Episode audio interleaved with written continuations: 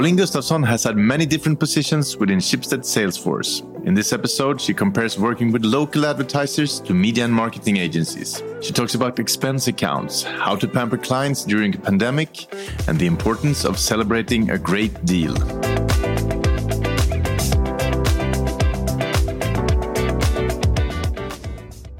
Pauline, welcome to Schibsted Talks. Thank you, Hugo.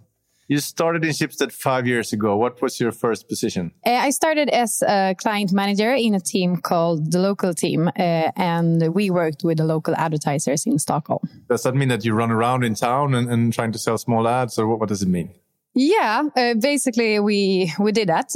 Now maybe it's uh, different in the local teams uh, today, but back then a big part of our job was to get new clients and to spread the word that local advertisers now could do marketing on Schibsted sites. So it wasn't that many who knew it back then. So it was a lot of meetings, getting people to understand and selling in why they should go with Schibsted instead of their local newspaper or radio. So yeah, a lot of running around town for sure. and did they get it? Uh, yeah, after a while they got it, but it was hard first. and how, how, for how long time did you work with local business owners? Uh, for almost a year. Okay. And what's was the next position? After that, I changed to another team uh, that was called the agency team. And back then, we were divided, or the sales teams were divided in three sections. Uh, so we had the local team, that was one team. Yeah. And then we had two teams working with national clients that didn't have a media agency. And then yeah. we had, I think it was like four teams that worked with the national clients who had a media agency. And that was one of the teams that I were in. So I worked with the media agency and their clients. And what's the biggest difference then if you compare running around selling to someone who has his own match shop on the corner or mm-hmm. selling to a media agency? Is there a big difference in strategy and how, how do you work with sales? Yeah, it is. But I would say the biggest difference actually is uh, the expectations because the local business owners, they live for their business. So uh, it's usually their own private money that is the company money and the money we're trying to get them to invest. Yeah. So it means more to them and they're much more interested and uh, more like having more pride in seeing their ads at Schibsted, uh, a pride that the media agencies don't have. So they want to understand what they're buying and they want to see where their money is spent. And the media agencies and the marketing teams, they have other expectations. Uh, Such as?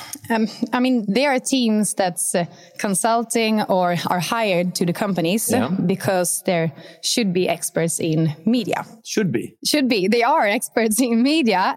so their questions are usually different and they have a bigger focus on how to get the best effect in buying media. Yeah. Compared to maybe the local business business owners. Is one, would you say one of the groups are easier to work with or is, just, is it just different? It's just different. I wouldn't say that uh, one is easier than the other. It's just that you have to have a different mindset, I think, uh, going into the meetings and how you, how you take the discussions with them. It seems to me like companies like Schibsted, uh, I mean, I've been here for like 10 years or so, yeah. and the sales organization switches around all the time. New groups, new name on new titles and everything. Is there uh, some sort of idea about this? All this is changing, this ever changing uh, organization. Yeah, I think it is. I, well, I'm not the one doing the changes, but I mean, Schibsted want to be the leader in the market, uh, and to be the best in the market, we have to adjust according to what the market wants from us uh, yeah. now and in the future. So, what was the latest change you made? That was turning it into SMS from from SSE. From SSE. yeah, but then we have done changes in SMS as well. So we changed a lot, but I think it's uh, for the better because it's according to what uh, the market wants us to focus on. Yeah, that's why. Okay, I get it. How big is your expense account? and not, not during the pandemic. no, yeah, we haven't used it for two years. So I'm guessing now when we're back, maybe, I don't know if there's any limits. There's no, no limit. There's no limit at no. all. no, I have no idea actually. I have to talk to my bosses. But you, you didn't get a call from someone and like, probably now you went too far. This 25,000 bill from Franzén, it's not. No, it has actually never happened. Never happened. No, not me. I mean, if you work with sales, yeah, wine and dine is a part of the job, I would say. How did you do during the pandemic? Well, during the pandemic, not being able to meet your clients uh, is uh, it was actually hard because yeah. we're so used to creating relationships and uh, having businesses that way. Yeah. So it was hard not seeing each other live. But I mean, no one could see each other live. But the thing is that when everything went digital and digital meetings uh, and stuff, it made it easier in one way because it's easier having a quick phone call or a quick uh, digital meeting compared to have a meeting and seeing each other. So I think that we actually had more meetings and talked to our clients even more. And the meetings you had were usually at home. So maybe their kids were playing in the background or they, they were out for a walk. So they became a little bit more personal than sitting in a conference room. And I think that helped us in the personal uh, relationship area as well. And did you come up with any cr more creative solution than the, the video meeting? I mean, did you send them champagne at home and let's drink like this, or did walks and talks in the park? Uh, walks and talks was uh, many people did that, uh, yeah. but no no champagne. What I know of. Okay. I didn't. You didn't do that. No, I didn't do that. But uh, but some walks and talks.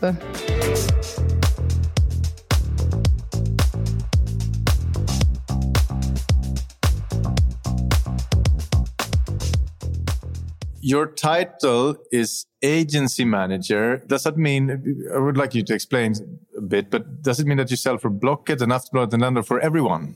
We work with all the brands at Schibsted. So we have Blocket, we have Aftonbladet, uh, or all the brands at SMS actually. So yeah. uh, Aftonbladet, Svenska Dagbladet, Omni, Blocket, Godare, TV Nu, Klart. Yeah. So we represent all those brands. And an agency manager, exactly what does that mean? Well, an agency manager and our our agency team, we are three people in our agency team, and our job is to work towards uh, the agencies, and we're responsible for the collaboration and the partnerships and the dialogue with the agencies what does it take to become a successful salesperson in Schibsted? Well, first of all, like I'm not the one sitting on the perfect recipe here. Uh, I don't think there is just one way to become successful in Schibsted. I think you have to find the way that works for you. But if there's one thing that's uh, important uh, that I think is that you need to uh, be able to collaborate and to use all the good competence and skilled people at Schibsted Because mm you need to involve people and you need to dare to ask for help. Since if you work at Schibsted with sales, it's impossible to be an expert on everything. We have like seven brands and sub brands and hundred of products, uh, and we shouldn't be expert on that. We should be expert on our clients. Yeah. So uh, I think that one way that you have to do or how you have to work to succeed is to collaborate and be able to use the competence and skilled people at Schibsted. Mm. Good answer. What did you do before Schibsted? Uh, before Schibsted, I worked at an ice hockey club as a key account manager, selling and taking care of the sponsorship and the network. In what town? Örebro. In Örebro. And are you a big hockey fan? Uh, no, I wouldn't say I am. Uh, they got a decent hockey team in Örebro, right? They do now. Yeah. They do now. So uh, that was a fun journey to be on. But when I started there, it's like it was like pouring down rain in the in the hockey, arena. Yeah. It didn't have any roof on it. Yeah, we did, but it wasn't that. We didn't have that, but that oh, good gear. but I'm not a big hockey fan, but I like sports. So maybe you have to like sports to work there. But you get interested after a while since there's like 20 games, uh, 26 games at home during a season. And uh, a part of your job is to be at those games. So it's impossible not to get interested after a while. And you made a, a, journey yourself within Schibsted, but would you say that Schibsted is a good place to make a sort of a sales journey within? Yes, of course. It's a great company. I mean, Schibsted have won like best sales uh, organization for three years in a row. So the market obviously thinks that we're very good in sales. Why do you think that is? Uh, I think that we have uh, also the competence and skilled people. Also, I think that we're a company that focus on yeah, changing and uh, working according to what the market wants. So we're actually very fast moving and uh, uh, have change as one of our focus areas. And we're very good. And also, I think that since we are as big as we are, we have the muscles to develop, but we also have other expectations on us from the market, which makes Schibsted one of the companies who has to deliver more. So we have to be better because the mm. market has another demand and expectations on us. So I think that is one of the things that makes us better as well. If you were to give a couple of advice for a younger girl coming from a smaller town, worked at a hockey, yeah, maybe starting at Schibsted, what what sort of advice would you give? I would say that you should not be afraid to fail and just uh, try and uh, listen to the smart people working there. No, but actually, I think the most important thing is not be afraid to fail and just uh, try new things. You've been back at the office for how long now? We've been back for two weeks almost, one and a half week. How does it feel? It feels good. For how many days are you there? Uh, we're there for three days a week. And have you have you started working with the expense account yet? No, I haven't. Not at oh, all. Yeah, maybe like two lunches or so. So you can do better. I can do so much better. I will. okay, Pauline, it's Friday and you made a great sale. How do you celebrate it? Like a classic uh, Schibsted employed, I will celebrate with shots. Where? Is it a home sad? Yeah, out in a restaurant. and which one? Oh, which one would it be? Uh, Asian post office, maybe. And that's nice. Mm, that's nice. At the Kungsgatan, no, Regeringsgatan it is. Yeah. That's a good party restaurant. It is. Thank you so much for coming to Schibsted Talks. Thank you for having me.